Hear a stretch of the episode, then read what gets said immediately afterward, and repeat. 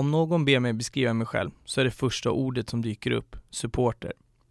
Det är ett epitet jag burit med mig i cirka 20 år och något som jag är stolt över. Det första jag gjorde efter jag fyllt 18 år var att tatuera min klubb på bästa plats på bröstet för jag ville att hela världen skulle veta.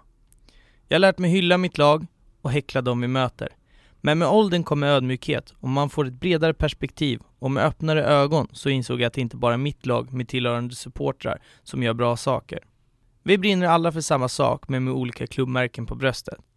Sakta men säkert har en respekt vuxit fram för alla som kallar sig supportrar. Så till frågan som stod till grund för den här podden. Vi kallar oss alla samma sak, men vad är egentligen skillnaden? Vad är skillnaden mellan olika tidsepoker? Hur såg det egentligen ut för 20 år sedan? Är det skillnad mellan sporter? Eller är det skillnad på olika delar av landet?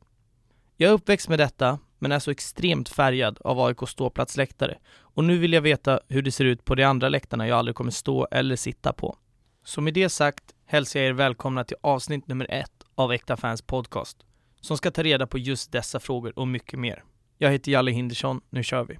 Innan vi kickar igång så har jag några att tacka för att jag får möjligheten att göra detta. Först och främst ett stort tack till Esen Studio som tror på mig och hjälper mig med kunskap, utrustning och lär mig hur detta fungerar. Sen vill jag också tacka min vän Viktor Nyman som hjälpt mig med logga och låter mig använda hans fantastiska bilder. In och följ honom på Instagram på Viktor Nyman, Viktor med C, för att se mer otroliga bilder. Glöm inte heller att följa poddens sociala kanaler som heter Akta Fans Podcast och finns på både Twitter och Instagram. Jag kommer såklart inte göra detta själv utan kommer i varje avsnitt ha en eller flera gäster och det är en stor ära att presentera dagens och poddens första gäst. Förutom att vara en supporterlegend med år årtionden av matcher bakom sig är han en fantastisk far och faktiskt min far. Välkommen till Äkta Fans Podcast, Valle Ellevorg. Tack, kul att vara här. Du har gjort jättemycket media genom åren, men är det, är det podddebut för dig idag? Ja, idag är det podddebut. Det, det, tiden går vidare alltså. Det är nya grejer, ny teknik, så att ja, det är första gången. Ja, vad kul att höra. Det är det för mig också, så det, det, ska bli väldigt spännande. Jag, jag är lika taggad som du är. Eh, och idag ska vi prata om det fantastiska 80-talet och specifikt AIKs, AIK Hockeys 80-tal och hur det såg ut på läktarna och kulturen i stort under denna tid. Jo, så jag tänkte att vi, vi egentligen börjar från början. Hur, hur hittade du AIK? Hur började du gå liksom? Eh, uh, AIK fanns ju liksom som, uh, jag höll på AIK fast jag hade liksom inte sett AIK. Uh, eh, jag var kompis med en kille som heter Jonas Galotta, många vet vem det är i dagsläget. vi hade andra grejer gemensamt, hårdrock, vi lyssnade på musik, vi älskade hårdrock, vi sprang på lite konserter. han hade börjat gå på AIK fotboll, AIK hockey och han sa nu, nu får du hänga med mig, alltså du, du ska med på match. Så att jag började gå med Jonas, började gå på hockey och 13 år det var ju hur stort som helst att komma in på, på Hovet och, och se det på riktigt och inte bara hört talas om det. Eh, så att eh, hockey började med honom och eh, även fotboll då. då. Vi, gick, eh, vi gick hand i hand. Alltså. Mm, nej, jag förstår. Och Jonas Galotte, precis som du säger, det är ju i alla fall AIKs supporterled ett, ett välkänt namn både inom hockeyn och, och inom fotbollen sådär. Hur, hur lärde ni känna varandra? Så där, är ni uppväxta på samma ställe eller? Nej, vi gick i samma skola och eh, vi, vi hittade varandra tack vare gemensamma intressen. Vi pratade AIK, vi pratade hårdrock och ja, gemensamma eh, saker helt enkelt. Så att, eh, och så hängde vi en del på fritiden lite här och där. Eh, han bodde inne i stan och jag var lite med honom efter plugget och sådär. Så att vi hängde och så, så blev det. Ja, jag förstår, jag förstår.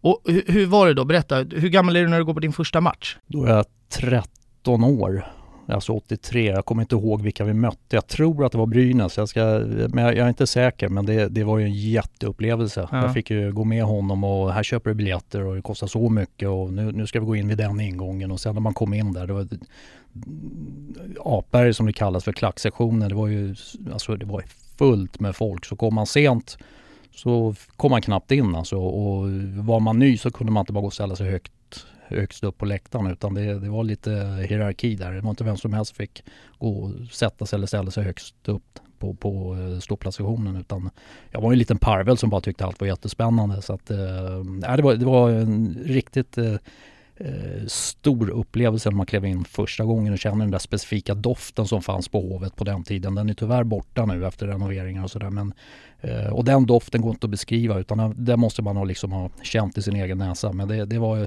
spilld öl och jordnötsringar och lite svett och parfym typ. ja, jag, jag, kan, jag kan, jag har varit på, på Hovet min beskärda del, jag kan, jag kan föreställa mig. Men, men hur såg det ut? Du säger att det, det, det är knökfullt. Var, var det så att, alltså vad, vad tar Hovet? 7-8 tusen? Kan vi, där någonstans ja, i publikmängd? Ja, ja. Var, var det så att det var fullsatt redan på den här tiden på alla matcher, eller hur såg det ut? Alltså det var mycket folk på matcherna och eftersom jag alltid var på klacksektionen så, så tittade jag egentligen inte runt så mycket på långsidorna. Så att, eh, men, men det var ju mycket folk. AIK var ju liksom, det var ju nummer ett på den tiden och, och eh, klacksektionen den var ju alltid full, mer eller mindre. Alltså jämför man mot dagens hockey, de som AIK skulle möta Leksand idag till exempel. Mm. Den stämningen var ju i, i serielunken i princip. Alltså, så att det var, det, det var ju Eh, det var mycket större och, och, eh, Black Army på den här tiden var ju ganska underground också så att det, det var ju skinnskallar och det var punkare och det var, det var alla möjliga människor alltså. Mm. Eh, ganska blandat som eh, AIK-publiken alltid har varit i och för sig alltså, men eh, eh,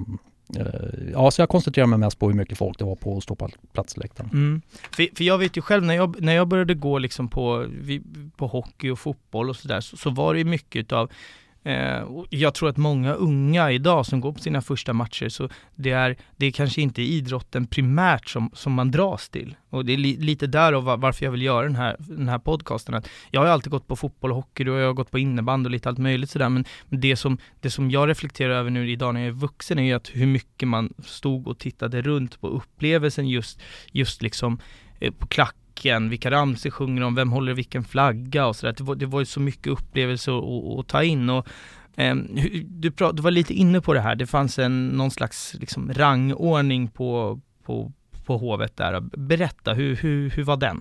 Eh, alltså de, de, som var ett namn på den tiden, eh, de har vi sällat sig till föredettingarnas hyllor idag, för de är upp till åren, men eh, de var högst upp. Eh, det fanns några av, av de här som gick runt på läktaren och sålde medlemskap och, och, och så vidare. Men eh, eh, precis som jag sa tidigare, det var inte bara att kliva upp och tro att man kan få stå där man vill stå eller där det var ledigt utan eh, högst upp, där stod de här människorna. Eh, och, och, ja, vad ska man säga? Det, det, en gång blev jag uppbjuden högst upp. Jag hade en sån här gammal cykeltuta med en sån här gummituta. Mm. Jag tog ja. bort gummitutan och då kunde man blåsa i den som en trumpet och jävlar vad det lät.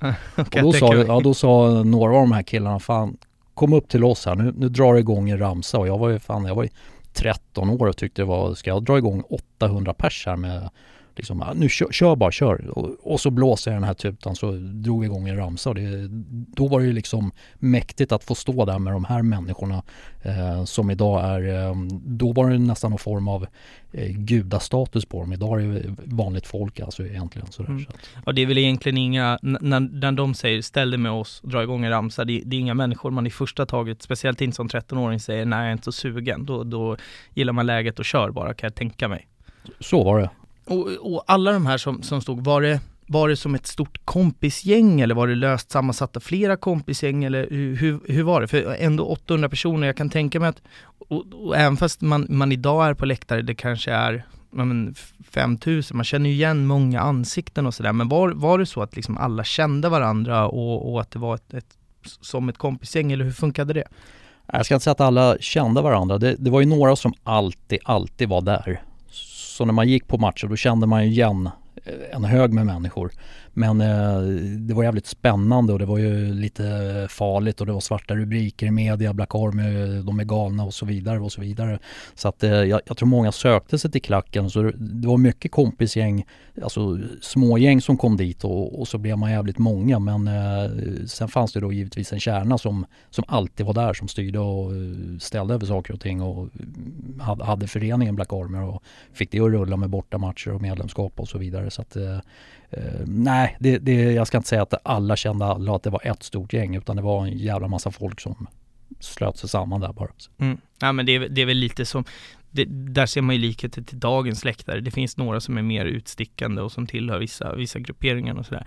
Men, men en sak som jag har reflekterat över i, i många diskussioner du, du och jag har haft eh, sinsemellan är att det fanns extremt mycket alla hade så sköna smeknamn. De hette lite allt, eh, all, allt möjligt. Jag, alltså, jag kan inte nu bara direkt i huvudet så här eh, plocka, plocka fram, men det var liksom, det var spöket och det var, de, de hette ju lite roliga. Fanns det någon anledning till det här? Nej, jag tror att det var lite sådär, vad ska jag säga, 70-80-tals eh, populärt bara att man skulle ha ett smeknamn helt enkelt. Eh, jag menar raggar och vem som helst, det, vart som helst hade ett smeknamn på den tiden så att jag, jag tror inte att det liksom eh, var specifikt någonting som var en AIK eller Black Army grej utan eh, smeknamn var, det var större på den tiden helt enkelt. Ja, jag förstår. Eh, och du, du, har varit inne på det flera gånger, Black Army är ju, är ju relativt nytt här. Black Army bildas 1981. Eh, och, och hur, hur, hur funkade Black Army då? Idag så, så kan man ju i, i liksom de här större supporterorganisationerna, då, då kan man liksom swisha in 150 spänn och sen är man medlem. Hur, hur var det på den här tiden? Var det samma sak eller behövde man, behövde man först bli uppbjuden liksom högst upp på läktaren för, för att få vara en i gänget eller hur, hur funkade det? Nej, alltså det fanns ju varken eh, smarttelefoner eller datorer då liksom så att eh, i princip så gick det en snubbe med, med eh, en perm och, och skrek medlem, medlemskap, teckna medlemskap, Black Army och så räckte man upp handen som man beställde en glass ungefär på en arena och, och då kom man till den och så pröjsade man så rev man av eller klippte om man hade sax med sig vilket kunde vara svårt att få in dem. Men, eh, fick man ett medlemskort i fickan bara och då, då satte man det i, i busskortet och hade ju plastfickor på den tiden då så att Eh, hade man medlemskortet där då. Så att eh, nej, det, det var papper och penna och pärm som gällde på den mm. tiden.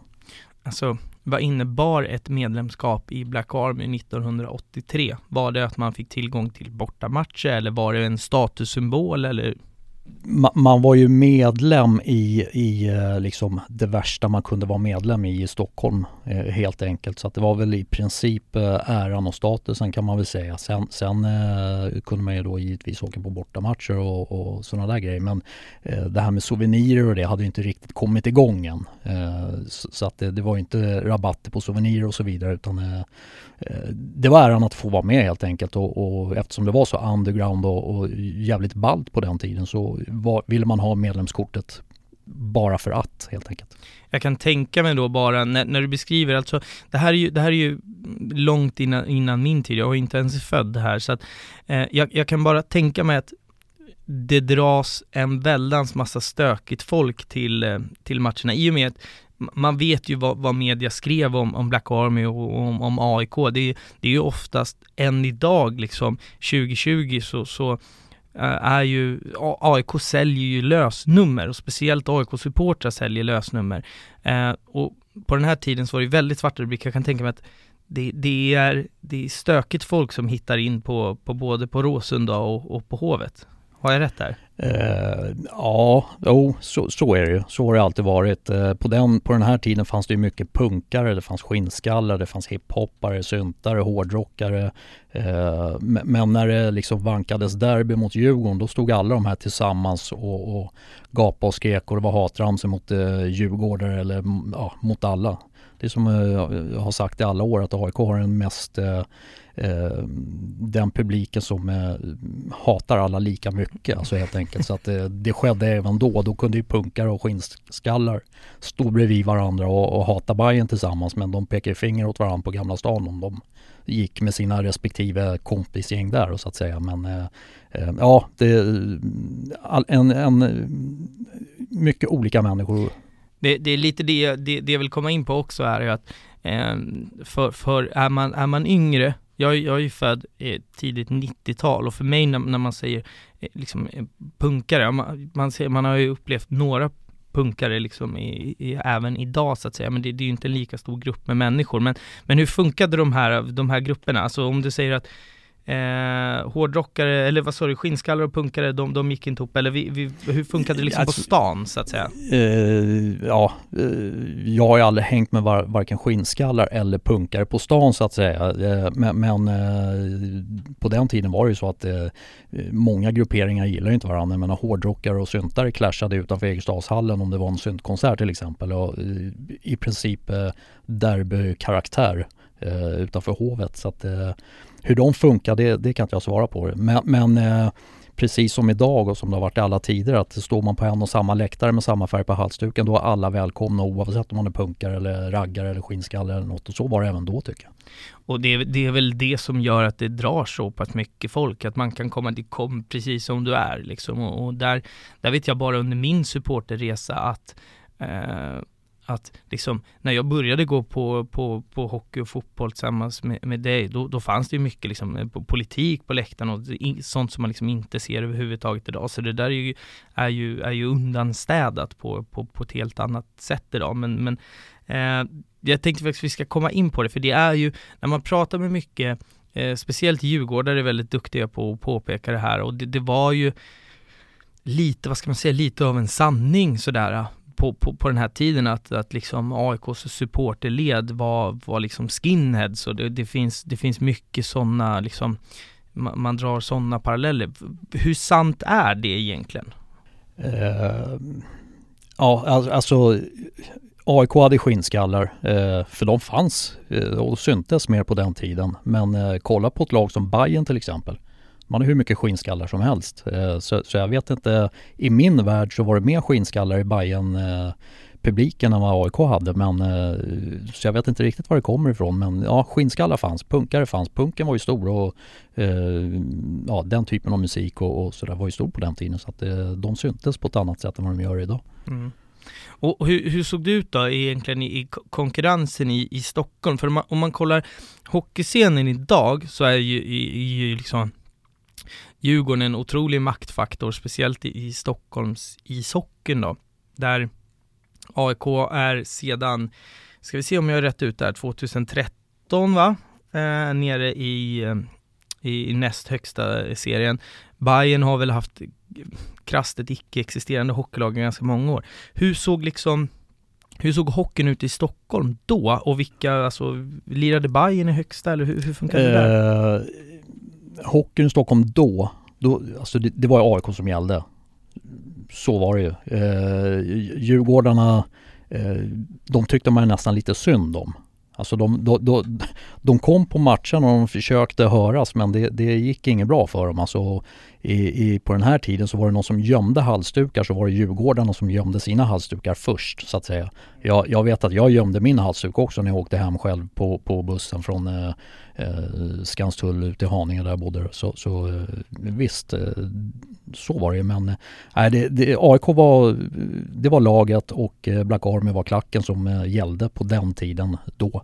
Sen eh, shapade Djurgårdarna upp sig och, och kom med i matchen alltså, eh, vilket de har gjort bra mm, än idag. Mm. Jag kan ju tänka mig också att det är, det är en ganska stor skillnad från tidigt 80 och sent alltså sent 80, det hände mycket under det årtiondet. För, eh, min bild utav, utav supporterkultur, egentligen, eller svensk supporterkultur ska jag säga, är att mycket utav det det, det, som, det som man kan liksom bara räkna med finns på en match, det, det, det byggs under, under eh, 80-talet och det byggs i stor, till stor del på, på hockeyläktarna. Idag så är det ju, kan man gå och bli bortskämd på ett, på ett fotbollsderby med Liksom jag, jag var och kollade AIK Hammarby på Friends med nästan 50 000 för, för två år sedan. Eh, men fotbollen på den här tiden, det är ju, då var det ju mer folk på hockeyn om inte jag, alltså i princip va? Alltså man, man kan väl säga att den svenska supporterkulturen som finns idag, den startade på Hovet. Den startade på läktarna. Jag säger inte att det var AIK som var störst utan det var, det, det var alltså AIK, Djurgården och Hammarby som eh, startade hela den här rörelsen som är vad den är idag. Eh, hade inte Hovet funnits, hade inte hockeyn varit så stor som det var då, så vet jag inte hur det hade sett ut idag. Då hade nog eh, supporterkulturen varit färskare än vad den faktiskt är. Så att eh, eh allt startade på Hovet, det, det hävdar jag. Så det, eh, ja, jag, jag krigar nog innan, innan jag ändrar på den åsikten. Mm. Och det, det är just, det, det, jag, jag, delar ju den bilden, även fast jag liksom inte var med och inte ens var född då. Och det är därför jag någonstans vill att vi, vi startar med, med, med den här perioden, just för att ta ett avstamp i Eh, liksom, vart kommer det, det som vi idag liksom räknar kallt med ska finnas där? Vart kommer det ifrån sådär? Eh, och du har varit inne på det också lite grann och om man läser eh, Johan Segis eh, bok som, som beskriver lite samma tidsperiod. Han är väl några år äldre än dig? Det stämmer va? Han är några år äldre än mig, ja. ja. Så att han var väl kanske i en övre tonår i den i samma period som du var i en undre tonår om jag, om jag bara liksom skjuter från höften sådär. Och han beskriver ju alltså runt matcherna egentligen över hela 80-talet och, och liksom på stan och så att det var, det var en väldigt stökig period. Man, många pratar ju idag om, och media försöker måla upp en bild om att det är livsfarligt att gå och kolla på sitt favoritlag. Det är en bild som, som jag vet att du inte delar, jag delar inte den bilden. Jag menar, jag har gått på, på, på AIK nu i, ja, i 20 år tror jag. Och det, det har varit superlugnt för mig. Men, men media har alltid velat måla upp den här bilden, men jag vill hävda att det var mycket, mycket, mycket stökigare på 80-talet än vad det är på 90, 00, alltså det, det var kanske den stökigaste perioden. Har jag fel där? Eh, under den här tiden, då var det ju liksom klackarna som eh, mötte varandra på stan och i tunnelbanor och pendeltåg och på T-centralen och Gullmarsplan och allt vad det nu var.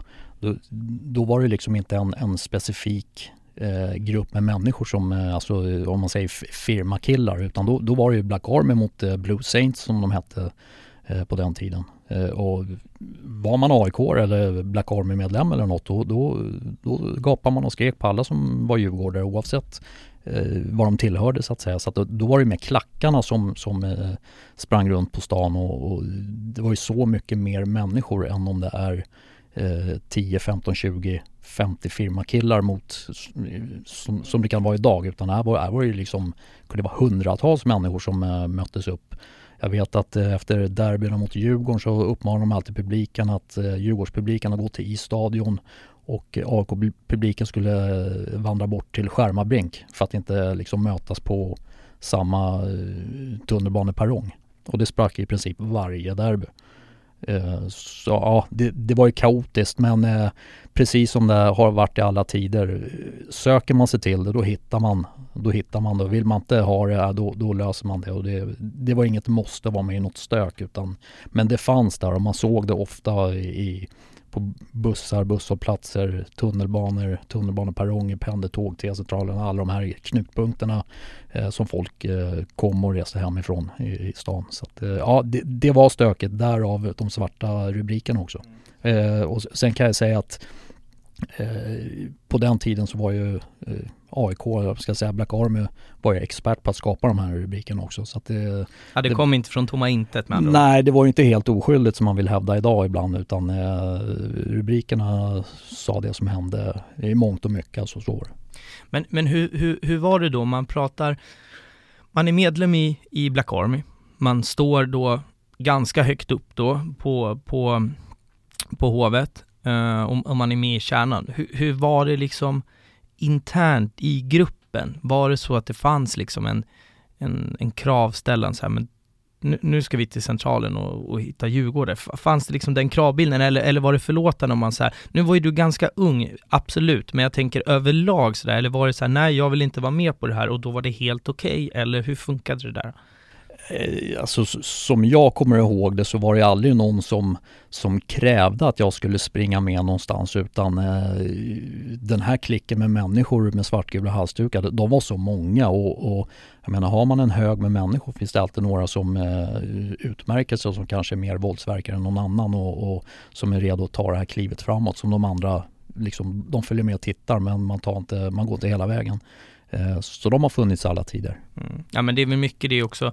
Eh, alla, alla som vill vill grotta ner sig mer i den här tiden. Jag vill verkligen, eh, jag, jag, en fantastisk bok av Johan Segin han just beskriver, beskriver den här perioden och han beskriver lite på samma sätt. Han var också ganska ung, ville kanske inte vara med i det stökiga men, men det blev att man, man kanske åkte två tunnelbanestationer åt fel håll och ville vara med och kika och sen, sen eskalerade det. Det, det är väl så det kanske startar för, för, för många sådär. Men det är ju också en tid och det man tar för, för givet idag när man går på liksom, när, när man supportar sitt lag är att idag så har vi Eh, det finns tifogrupper som bara jobbar med tifo. Alla, åtminstone Stockholmsklubbarna och alla klubbar egentligen i, i, i, hela Sverige har, har någon slags ultrasgren som står för kanske bengalbrännande och står för de delarna. De stora klubbarna har sina, sina firmer som, som, som liksom eh, gör upp internt och sådär. Men det är ju, man får verkligen inte glömma det att på, på den här tiden, det, inget utav det fanns ju. Det fanns ingen ultrakultur i, i Sverige. Det fanns inga, inga, inga, liksom, inga firmor utan det var ju en grupp av människor som fick lösa exakt allt det här tillsammans egentligen så. Eh, och tifon och sånt där, hur, hur, hur, var det? Var, det? var det samma som idag eller fanns det inte eller? Nej, det, alltså halsdukstifon det har ju funnits alla tider för halsdukar har ju folk haft liksom sådär eh, om man nu ska kalla det för tifon. Utan, men, men det som gällde då eh, som jag upplevde det, det var att man skulle vara så många som möjligt, sjunga så mycket som möjligt och så högt som möjligt. Så att det, sången tyckte jag, jag upplevde det som att eh, sången och ramsorna det, det var det som, eh, som skulle bestämma liksom. Ja, ett segment som, som jag vill, eh, vill ha med i den här podden, det är vad jag kallar då rätt eller snett. Eh, och det är väl egentligen en, en, en fördom som, som jag har om, om det här eh, om den här specifika tiden. Eh, när, vi, när vi går vidare i den här podden så kommer den handla om kanske ja, men ett specifikt lag, en specifik gruppering eh, och så vidare. Då. Men, men min fördom, du har lite svarat på det, men jag vill ändå, ändå att vi, vi bollar tillbaka till den. Eh, så min fördom om, om eh, AIK Hockey 80-tal låter så här. En majoritet som drogs till AIK och Black Army på denna tid gjorde det för närheten till stök på och runt matcherna, snarare än, än till eh, AIK som klubb, till en början. Um, Säg gärna att jag har fel här, det är helt ja, okej, okay, men det är en fördom ja, som ja, sagt. Ja, ja jag, jag, tror det är en fördom, men jag säger inte att det är fel. Uh, så det får bli ett eh, så politiskt svar. Ett, ett tråkigt politiskt svar med andra ord. Ja, skittrist alltså. men men det, det, borde ju någonstans ha varit eh, både och. Det, du har ju som sagt redan, redan, redan svarat på, på frågan indirekt flera jag, jag, jag Kan inte, jag kan inte säga snett. Nej. Mm, så är det ju. Nej, och du kan heller inte säga rätt. Ja, men någonstans eh, mittemellan kort sagt. Och i den här podden, tanken är ju så här, eh, för att förklara också lite vart jag kommer ifrån och vad vi kommer fokusera på. Det finns, det finns tusen poddar som, som, som har beskrivit eh, specifika matcher eh, eller som, som har dagsaktuella matcher och går igenom så här, ja men hur har det gått den här veckan? Det finns, det finns tusen personer som, som har sådana poddar som gör det bättre än, än, än mig så att säga. Men det är en, en match som, när jag, när jag satt och grottade ner mig lite i AIK Hockeys 80-tal så fastnade jag här och jag är, alltså jag kan inte beskriva hur avundsjuk jag är. Det här är ju som en, som en dröm för, för liksom supporten i mig idag. Eh, så jag tänker vi ska hoppa till 1984. Du är då, ja, du ska fylla 14, du, du fyller ju sent. Eh, så du är 13 år gammal. AIK har tagit sig till final i hockeyn. Då spelades det alltså bäst utav tre. På andra sidan i det här finalspelet så står Djurgården. Alltså bara, bara att ta det att ha en avgörande final mot sina ärkerivaler och båda spelar på samma arena så alla matcher var ju på Hovet då och Globen fanns inte. Det är, det är en, en, liksom en våt dröm för alla supportrar. Och som jag förstår, du var där? Jag var där. Eh, det är tre matcher, är du där på alla till och med? Ja. Ja, bara här, här, här passar jag över liksom pucken eller bollen till dig. Berätta, hur var det här? Eh, om man bortser från just de här tre så får man inte glömma bort att man var ju galet nervös. Det var AIK Södertälje. Och då tänkte man, fan nu, nu är det på gång här alltså. Och där var man ju jättenervös alltså. Men det var ju 11-1, det slutade 11-1, det var helt galet. Är det, är det, ja, jag har också sett den här, den här semifinalen på, på, på Youtube. Är det, är det alltså i, eller, eller jag har sett en matchen, är det i semifinalen som mötte Södertälje alltså? Ja, ja, ja, ja det, det, måste det ha varit ju. Ja. För det, sen var det ju final mot Djurgården. Ja. Eh, och det, det, var ju nervöst. För att eh, nu var det ju nära liksom och, och det, är ändå, det är ändå semifinal och det, det, blir inte mycket större än semifinal och final alltså. Mm. Eh, och Södertälje ska man tillägga på den här tiden. Södertälje är idag en klubb som har legat i näst högsta, högsta serien ganska länge. Det, det är ju ingen stor hockeyklubb idag. Kanske de, de som hejar på Södertälje håller kanske inte med men det, överlag så om man jämför vad det finns så är det ingen monsterstor klubb sådär. Men på den här tiden är, är, är Södertälje inget som man skojar bort. Alltså, nej, det, nej, nej, absolut. De äh, mötte ju AIK i semifinal så att det, det, det, var ju liksom inget skitgäng så men äh, så att det började ju där. Och sen var ju lyckan total när man visste att okej, okay, nu är det tre raka mot Djurgården här.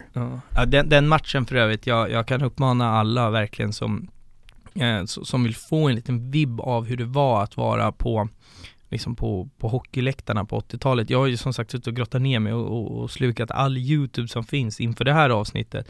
Och den matchen med 11 det är helt vansinnigt hur Alltså det ser inte ut som en semifinal i, i högsta serien. Det ser ut som att liksom, du och jag ska bilda backpar och möta liksom, AIK idag i princip. Det, det, AIK gör exakt vad de vill i den matchen. Det var därför jag reflekterar inte ens över att det här är semifinal, för AIK är så många ljusår bättre än Södertälje i den matchen och vinner alltså med 11-1. Det är helt vansinnigt.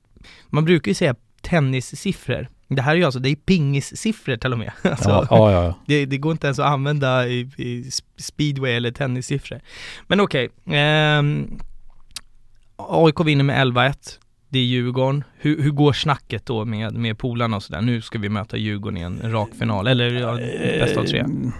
Ja, ja eh, jag ska inte säga att jag kommer ihåg riktigt hur, hur snacket gick, men det, eftersom, eh, eftersom det var i final, då var det liksom det, det fanns inget annat än att vinna. Nu ska vi vinna det här och vi ska vinna alla matcher. Det, det, det får inte hända något annat. Alltså det, men det var ju fortfarande sjukt nervöst alltså, för jag menar derby derby och så var det även då. Eh, AIK var det bättre laget. Eh, man tog ju i tre raka men eh, det var jättenervöst. Det gör man väl inte va? Det är bäst av tre. Nu, nu, nu kan jag fel här men är det inte bäst av tre? AIK vinner första, torskar andra och vinner avgörande. Jag tror de vann tre i rad faktiskt. Okej. Okay. Ja, uh, ja. Du, var där, jag, jag har som sagt suttit ja, och som sagt, jag, jag, jag, kan ha fel. Har jag missat en match här? Som sagt, det var länge sedan men uh, jag var på tre raka vinster mot Djurgården. Okej. Okay. Ja, och, och, det var ju galet med folk.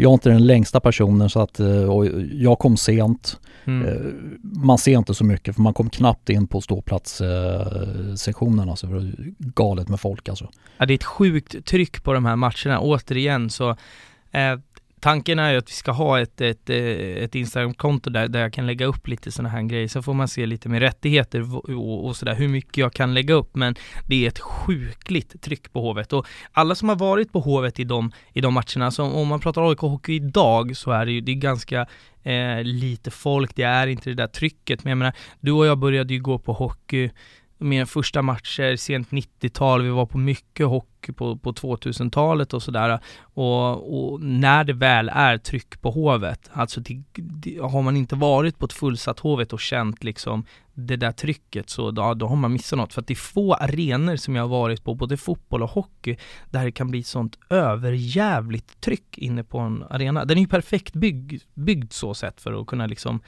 Ja, det känns ju som att taket ska lyfta och det gör det på de här matcherna. Alla YouTube-klipp man ser när det blir mål, det är helt vansinnigt. Och därav att jag vill prata om det här, för att jag är så ruskigt avundsjuk på att jag inte var där. Ja, ja allting har sin tid alltså, men ja du har rätt i det du säger. Det är, är det tryck på Hovet så är det, det, det är svårslaget någonstans i Sverige alltså, så, är, så är det verkligen. Eh, men då krävs det sin eh, publik och sina gaphalsar för att skapa det här också. Och gaphalsar fanns det ju, oj oj oj. Det, det fanns. Ja. Så det, det, är tre raka, vi, vi är inte riktigt jag, jag, Du säger tre raka, jag säger att AIK vinner en bäst av tre med, med eh, 2-1 i matcher. Vi, vi lämnar det osagt. Eh, men alltså hur är känslan när, vad händer på Hovet? AIK, domaren blåser av, period tre över, eh, AIK är svenska mästare. Berätta, vad, vad för i huvudet och vad händer?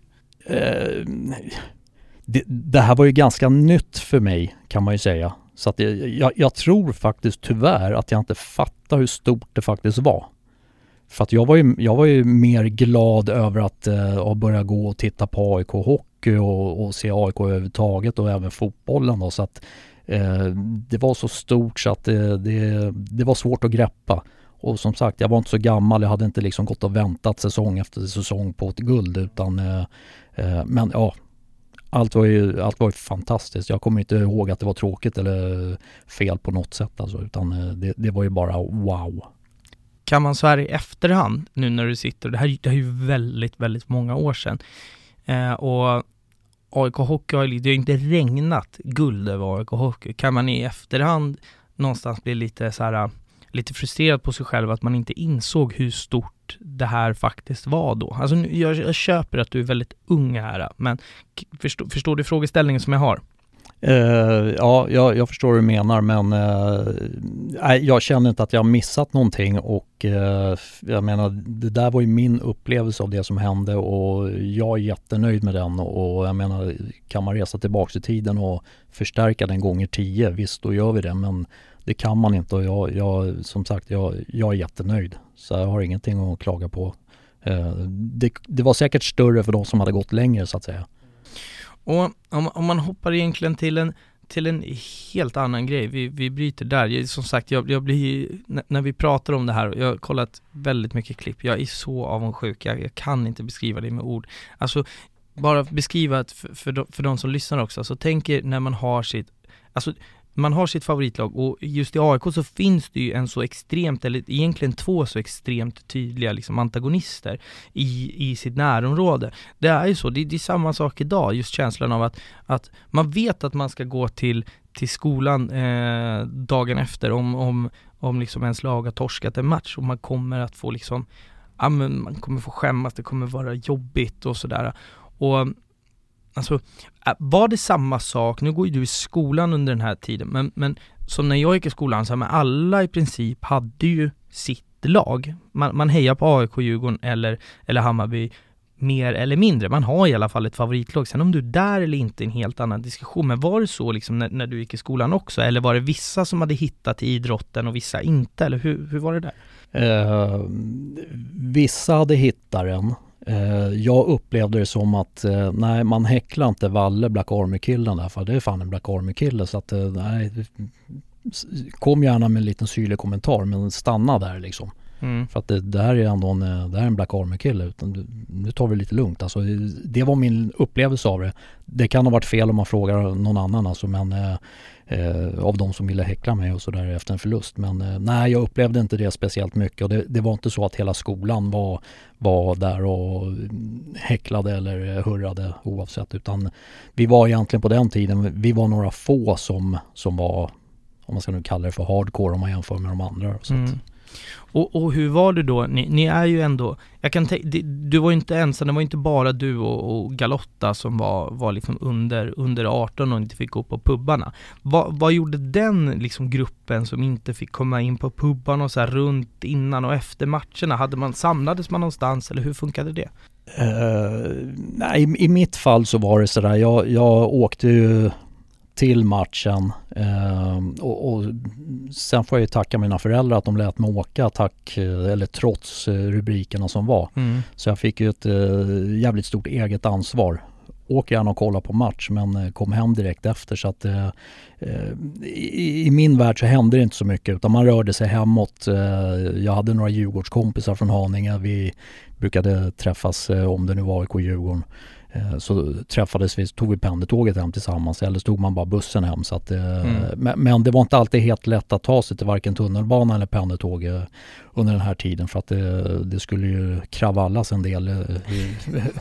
Även om man vann eller förlorade så skulle ändå AIK-publiken visa att nu är vi ute på stan här bara så ni vet allihopa. Och, och ja, det, det, blev ju sena kvällar ibland men så var det på den tiden. Men jag har varit inne och nuddat på det också lite, men, men hur var det sådär alltså, eh, som, som går man på stan idag eh, så ser man ju liksom man ser, man ser en Djurgårdströja, man ser en AIK-tröja, man ser Bajenkläder. Det, det ser man ju lite överallt egentligen, alltså vilken tid på dygnet det än är. Tittar man så ser man det. Men, och det, det är helt okej, okay. folk, folk har på sig vad de vill så att säga. Men såg man, om du åkte tunnelbana eller om du åkte buss från Haninge och sen en tunnelbana in till Centralen och skulle, vad vet jag, gå och köpa ett gäng skivor.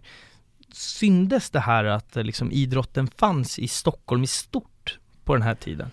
Uh, ja, ja det, det, är klart man kunde se representanter från olika lag men sen får man ju komma ihåg att eh, souvenirutbudet på den här tiden var ju, alltså det, det var inte stort alls. Så såg man någon som satt på tunnelbanan med en Djurgårdshalsduk så kunde man nästan ana att det var en eh, fotbolls eller hockeykille som, som var där. Jag tror inte att att det är som idag att man sätter på sig en, eh, ett plagg med sitt lag för att man tycker att plagget är snyggt bara för den sakens skull utan eh, eh, ja det, det, det syntes väl ibland men är det inte som, jag tycker inte det är som idag.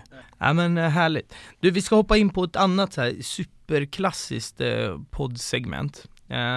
fem snabba. Där du egentligen, jag kommer ställa fem påståenden, jag vill bara ha Eh, ganska korta svar. Vissa frågor får du, får du utveckla om du vill, men eh, tanken är att du inte ska utveckla svaren och fundera så jättemycket. Är du beredd? Kör. Djurgården eller Hammarby? Hammarby. Varför? Eh, jag tror att det, det känns som att eh, Hammarbyarna är mer nära oss AIK i varje fall i dagsläget än, än, än vad Djurgården är. Om du fick välja en favoritramsa genom eh, hela ditt supporterskap, vilken tar du då? Ja, där, där, ja, där, där, måste jag säga, jag, jag, säger väl pass, men för att svara på någonting så vad är, vad är det som sitter i buren? Den var ju mäktig och Kesserasra var också riktigt mäktig på 80-talet. Mm. Kesserasra är latin och, eller hur? Det som händer, det händer. Det som händer, det händer. I princip. Och det, vad är det som klättrar i buren är ju en ramsa som fortfarande går idag. Den, när, när kom den? Vet vi det? Nej, alltså, den, den har alltid den, funnits? Ja, ja den, eh, den verkade vara etablerad när jag började gå så att, eh, ja.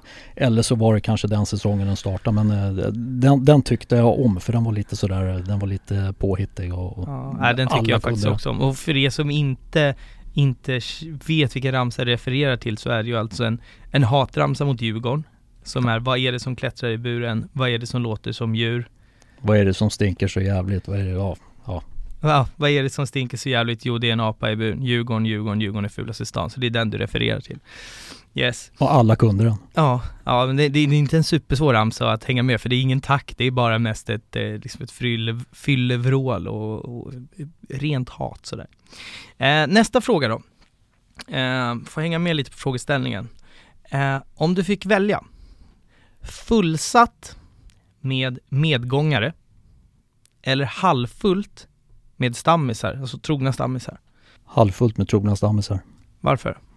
Uh, jag tror att uh, de har förtjänat mer att vara där helt enkelt och de kan nog uh, skapa samma stämning som är fullsatt med medgångare. Mm. Medgångare är ingen som vill ha egentligen. Nej. Det där, det där är en jätteintressant diskussion som, som är på, väldigt mycket på tapeten i, idag, där jag, jag hör vad du säger och jag svarar nog samma sak på den.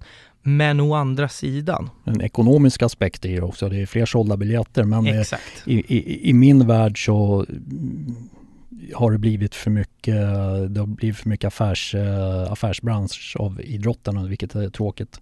Det är så mycket som handlar om pengar och det här med supporterskap och hjärta och allt det här, det, det kommer lite i skymundan för att det är pengarna som är nummer ett tyvärr mm. alltså. Ja, jag, jag håller helt med dig där.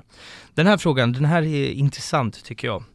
Om du fick återuppleva en match du varit på i ditt liv, vilken skulle det vara? Alltså då pratar vi om en match du har varit på, glöm nu nu, nu kan vi egentligen hoppa ifrån att vi pratar AIK Hockeys 80-tal. Ta alla matcher du har varit på. Om du fick återuppleva en match som du har varit på och gå på den ytterligare en gång för att inleva den stämningen, vilken hade du tagit då?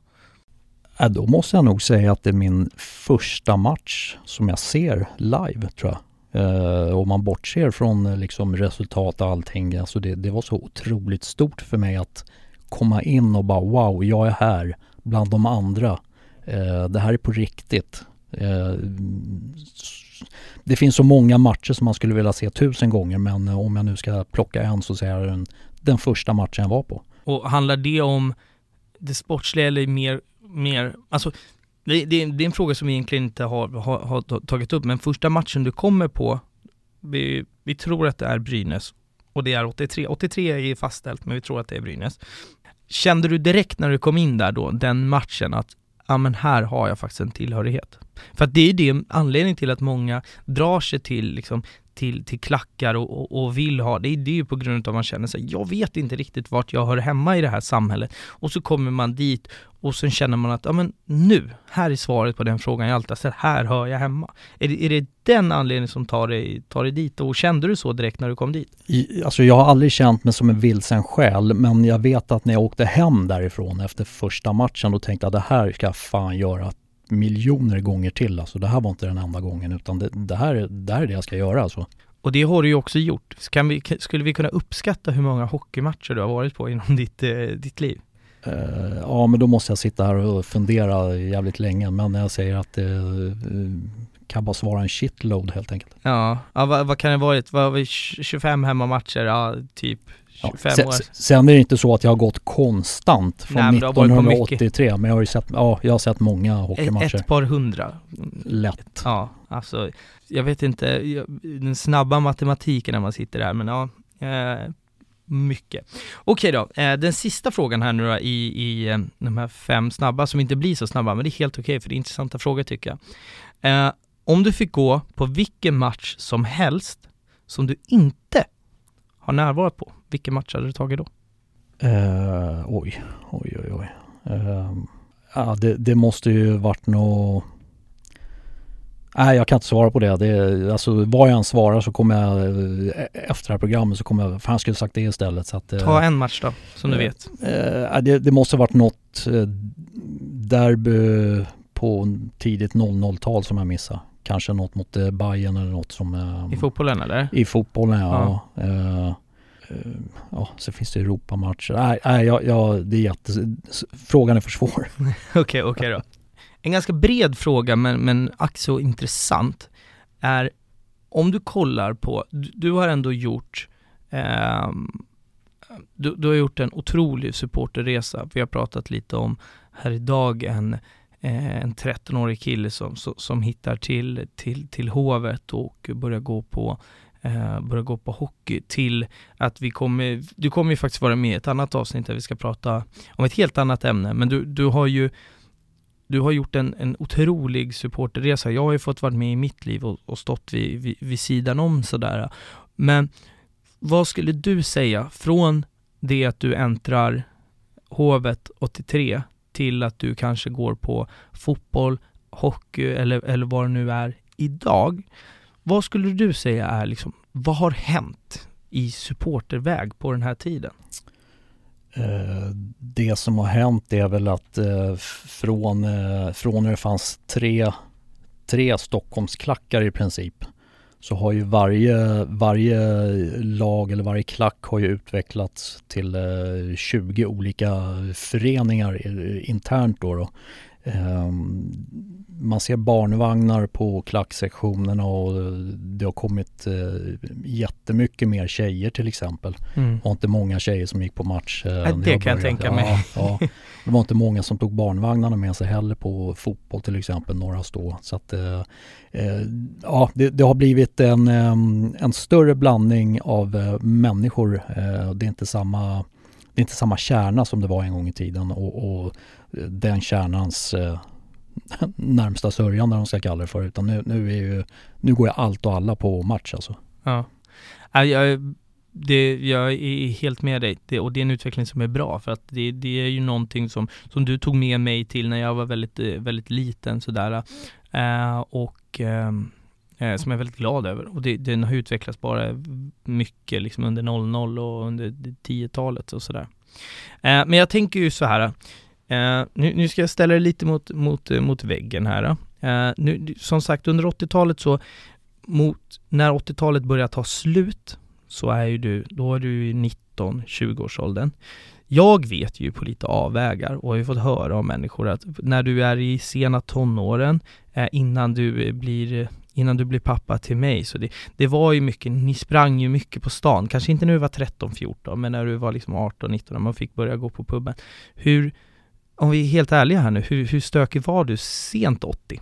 Uh, jag kan inte påstå att uh, jag varit speciellt stökig. Alltså, du sitter där ändå med ett leende nu när du säger det här. Ja, nej, uh, nej jag, jag har inte varit stökig för att jag har haft kamrater som jag inte ens ska jämföra mig med. Så att, vilket jag gör när jag får den här frågan. Så att nej, jag har, inte varit, jag har inte varit stökig men jag har hängt med folk som inte haft någon humor överhuvudtaget. Så kan man säga. Ja, för, för att Eh, och, och, om vi säger så här jag ändrar min fråga, jag kommer försöka dra ut lite svar här, för jag, för jag vet ju att, att det är det i, i saker som inte kommer fram här, nu ler du ännu mer. Eh, om vi tar som, du, du har gått mycket med, med Jonas Galotta, man, eh, han har gjort väldigt mycket bra för AIK, folk, folk får tycka exakt vad de vill om honom i, idag, men min bestämda slutsats är att det är ändå en människa som har gjort mycket gott för, för AIK och AIKs supporterled och där är jag ganska övertygad om att du håller med mig. Det gör jag. Um, och eh, ni två tillsammans, tillsammans med de kompisgängen, ponera så här då. Uh, vi är inne på 99, du är 18 eller 19 år, ni sitter och dricker öl inne på någon pub inne i stan. Jag kommer med mina två polare, vi har Djurgårdshalsdukar. Va, vad hände där? Och vi är lite, vi är lite fulla och uppkäftiga. Liksom. Ja, vad va, va händer? Uh, 89, 90, ja, uh, ja, det, ja jag, jag, vet inte vad jag ska svara på det faktiskt. Uh, vad som händer, eh, det händer nog ingenting. Om, om folk sköter så, så händer det ju inte så mycket alltså. Det, det har ju faktiskt, alltså till, eh, till ditt försvar så har du ju alltid varit en sån människa som eh, behandlar man dig med respekt så får, får man respekt tillbaka. Du har ju alltid varit eh, metodiskt så och haft kontroll på ditt humör. Men ehm, jag, jag hör ju på avvägar, jag har, jag har ju liksom, när jag började gå på fotboll så, så blev jag introducerad mycket till, jag var ju alldeles för ung egentligen. Du, du, jag gick ju på fotboll med, med de som var lika gamla som dig som hade gått på liksom fotboll, hockey, för vi gick ju mest på, alltså mycket på fotboll tidigt men även en hel del eh, hockey sådär.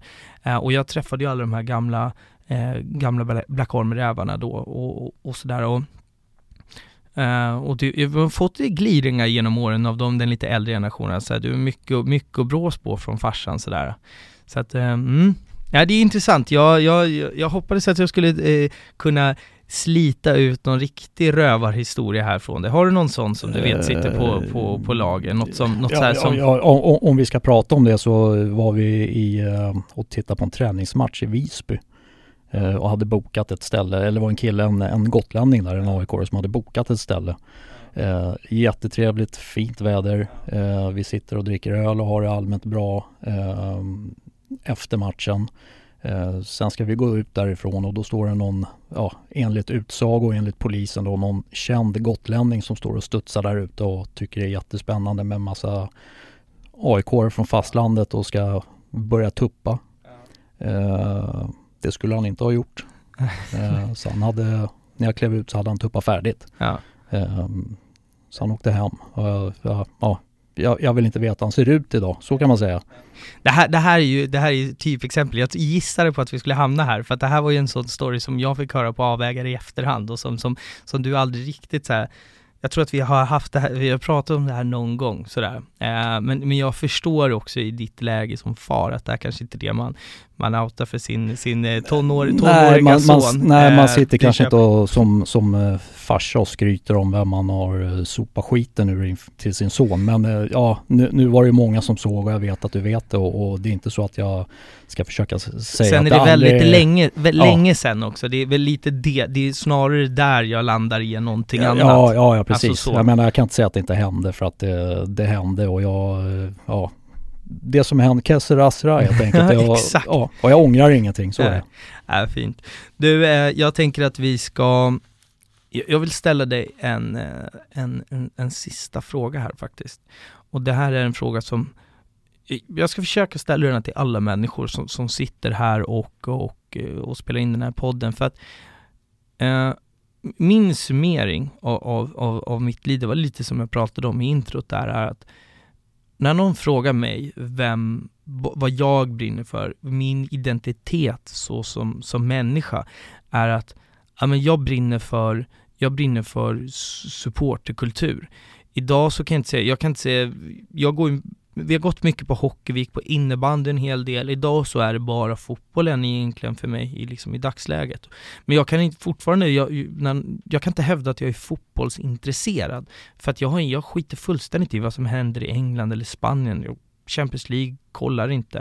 Uh, jag uh, jag skulle aldrig gå på en landskamp till exempel. Alltså det intresserar inte mig för att jag brinner inte sådär överjävligt för det som händer på plan och det, det, är det som krävs för mig för att, för att liksom jag, ska, jag ska uppskatta vad som händer.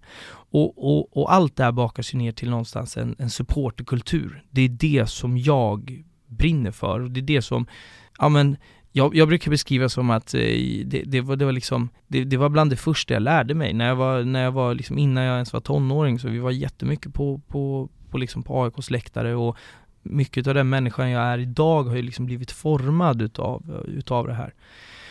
Så för en, en, en lång harang sådär så, så ställer jag frågan rakt ut och här får du gärna berätta alltså hur mycket du vill. Men vad är supporterkultur för dig? Supporterkultur för mig är att ehm, eh, man gör det man kan på sin egen nivå utan några krav för att stötta sitt lag så jävla hårt man bara kan. Mm. Eh, i, I min värld så finns det inga elitsupportrar. Bara för att man har möjlighet och kan gå på 100 matcher av 100 mm. så är man inte bättre för att eh, någon annan kanske har möjlighet att gå på 50 matcher av 100 utan eh, eh, man ska supporta sin klubb så hårt det bara går. På, på så många sätt det går helt enkelt. Eh, det är supporterskap för mig och jag tror att det grundar sig på, eh, ska jag eh, kalla det för lite old school kanske. Just från eh, läktarna på eh, mitten 80-tal, alltså där det var det som gällde. Eh, sjunga högt, sjunga mycket, eh, visa upp sina banderoller och flaggor och vara där för sitt lag. Alltså det, det är inga konstigheter med supporterkultur. Eh, det här med att eh, det ska vara på ett speciellt sätt, det måste vara si eller det måste vara så, man måste ha bengaler, det får inte vara nej, det finns inte för mig utan eh, jag går och stöttar mitt lag, punkt. Det, det, är ganska enkelt. Ja men fint, fint. Det slår mig faktiskt en till fråga som är, som är väldigt eh, aktuell idag som, som blir super, faktiskt superintressant att prata om eh, om, om liksom en svunnen tid.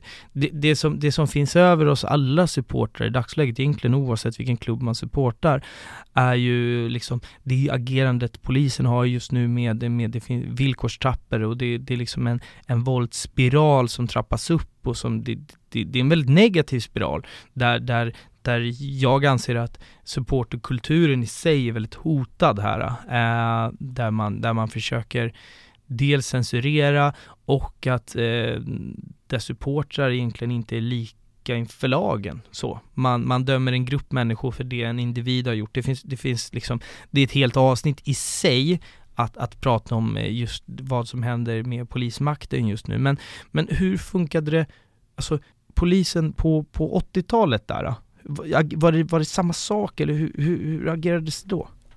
Jag, jag, jag, tror de var sjukt trötta på AIK-supportrarna. Fan, har de match igen? Jag vill vara hemma med min familj och nu ska jag springa runt hela stan med en vit batong och bara gapa och skrika. Jag tror de tyckte det var skitjobbigt emellanåt. Eh, och, men jag, jag tror ändå att de hade, de hade en liten eh, de hade en lite tuffare attityd. Eh, människor överlag var inte lika lättkränkta. Jag vet när jag satt på pendeltåget ner till Södertälje. Satt och lekte med en gummisnodd och bara låtsades att jag skulle skjuta på en polis. Han mm. kom fram till mig direkt alltså. Så han riktar den där gummisnodden mot mig en gång till och flyger av i nästa station. Jag kastar av det också. Det ska jag ha klart för. Han var arg alltså, han var bestämd. Mm. Så jag gjorde inte det en gång till. Alltså det, jag menar, det var inte meningen att jag skulle skjuta en gummisnodd på honom men jag satt, man satt och skojade. Tok-kriminell. Ja, ja precis. Nu, nu jävlar ska, nu kommer stora stygga Black Armor. Nu skjuter vi gummisnoddar på polisen. Det stod alltså poliser inne i pendeltågvagnen. Ja. Alltså en vid varje dörr i princip och, och kollade så att vi skötte oss. Eh, vilket många inte gjorde men eh, de stod där ändå och konstaterade att vi inte skötte oss. Men jag sköt ingen gummisnodd men jag fick, eh, jag, jag fick reda på att det, det gör det inte heller för att det, då kastade jag av det. Så att det, det, var det var en annan attityd. Jag fick även ett betong, äh, batongrapp på armen på Gullmarsplan. Eh, när jag knackade på efter ett derby. Kan jag bara dra det här lite snabbt. Eh, var ett derby. Eh, Djurgårdskompis från Haninge, Brandbergen som jag eh, bodde i då. Han, jag såg han inne på tunnelbanan. Och jag ville bara göra, göra han uppmärksam på att jag stod på perrongen. Fanns, han kom ifrån isstadion och vi hade gått eh, på motorvägen. Vi gick inte till Skärmarbrink som de sa. Så att jag knackade I, på rutan. Isstadion är då alltså Globens tunnelbana ja, idag? Precis, det heter mm. isstadion. Jajamän, eh, så jag knackade bara på rutan för att eh, tja, fan jag hoppar in här nu så åker vi hem tillsammans. Pang sa det så fick jag ett batongrapp ett hårt jävla rapp av en polis som stod där. Han tyckte inte det var dugg kul att jag knackade på rutan för han trodde väl att jag kanske var en sån här som skulle, ja, skulle eh, försöka knacka sönder den där rutan. Så att uh, han var helt utan humor och, och ont gjorde det men uh, det var ändå så här, jag fattade, jag, jag förstod. Jag, jag, han tittade på mig och ge fan i det där och jag fattade att ja okej, okay, jag, jag, vet hur du tänkte här nu. Här står jag med min, jag hade en AIK-stuk med en knapp som det stod Gnaget manglar på, mm. med en knytnäve. Så jag, jag, jag förstod hur han tänkte men eh, ingen av oss var speciellt lättkränkt så att eh, det, det, det var lite annat förr alltså. Så, ja, jag fattar. Mm. Eh, innan vi avslutar här nu då, eh, är det vi, vi, har gått igenom och det här, det här var ett avsnitt som, som, som jag har suttit ganska mycket inför och varit så här det är svårt för att, för att jag var ju liksom inte inte, inte född här. Jag vet inte riktigt så hur mycket research man än, man än gör. Det är lätt att göra research på, på matcherna. Hur gick resultatet? Men det är inte riktigt det vi fokuserar på sådär. Eh, men innan vi avslutar, är det någonting som du, liksom, någon händelse eller någonting som du känner så att, ja, men det här tycker jag att vi har missat i liksom, det här, det här måste vi Dels kanske en rolig historia eller, eller det här måste vi ta med innan vi, innan vi liksom Ja, alltså något som jag tyckte var roligt då, och ganska många med mig. Sen kanske inte det är jättepolitiskt korrekt men... Eh, det här, jag gillar vart ja, vi är på vägen, ja, kör. Ja, det var riktigt jävla skitkul faktiskt. Vi hoppar av pendeltåget i Södertälje. Och i Södertälje på den tiden så fanns det raggare och syrianer, de tyckte inte om varandra. Ja. Eh, raggarna ville komma och tuppa lite med sina fina bilar när vi hoppade av pendeltåget. I samband med stationen så, så fanns det en blomaffär och eh, typ 40 pers in i blomaffären tar sina små krukor med kaktusar. Bara, alltså det är i princip som en tennisboll med taggar. Ja. Och det är ingen som betalar för dem utan de går in och hämtar dem alltså helt Ja. enkelt. Raggarna kommer, cabbar, vevar ner rutorna, gapar och skriker och det regnar kaktusar på dem. Så att de åker därifrån, det sitter, eh, jag vet en raggare sitter med en kaktus med kruka på kinden. Och de drar därifrån med sina stora V8. Alltså det var fan, det var humor. ja, det, jag kan Det tänka var faktiskt roligt. Det är mycket sådana här, såna här Mm. situationer. Just Södertälje är, det är en kort bortamatch från Stockholm, men det är Ja. mycket som händer när man åker dit. Jag Ja, och sen om man med. tänker sig att typ om man kollar på en film som Braveheart när de skjuter pilar. Ja, 10 000 pilar. Tänk dig 10 000 snöbollar när man hoppar av pendeltåget i Södertälje. Alltså det, jag vet inte, det, det var någon så här agg mot Södertälje för att de gillade ju inte, de gillade inte AIK eller stockholmare utan eh, och, och då skulle man agera mot det och eh, vi är här nu. Eh, vi vet att ni inte gillar oss men ja, kom och gör någonting åt saken och så kom det någon som skulle göra något åt saken och det det regnade snöbollar. Alltså, sådana små, bara små händelser är ju skitkul att minnas Ja, tillbaks verkligen. på. Alltså. Så att eh, ja, det, då skrattar vi åt. ja det, det köper jag och det, Mm.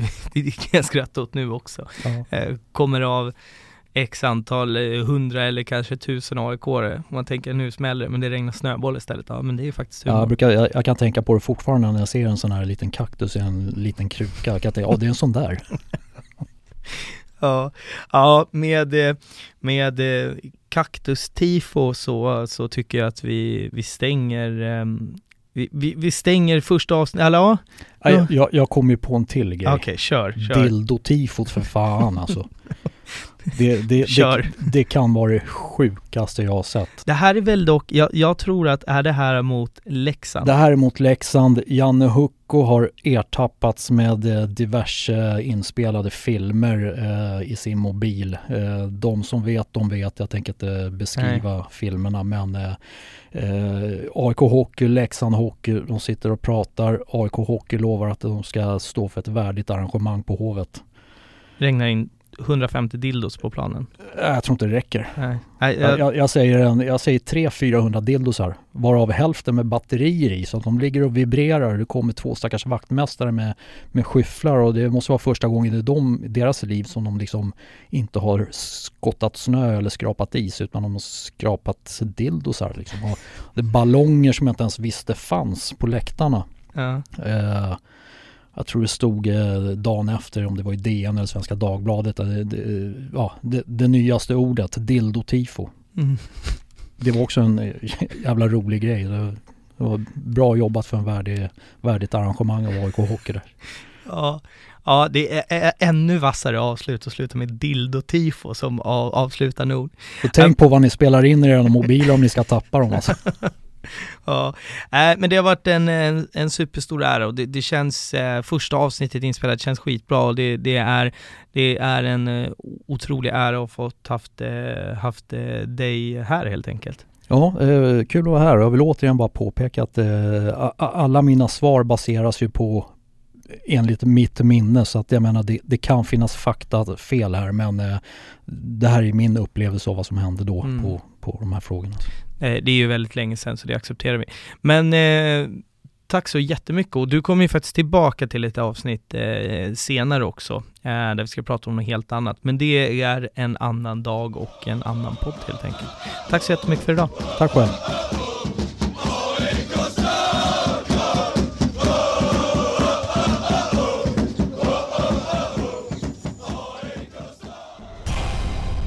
I samarbete med Esen Studio.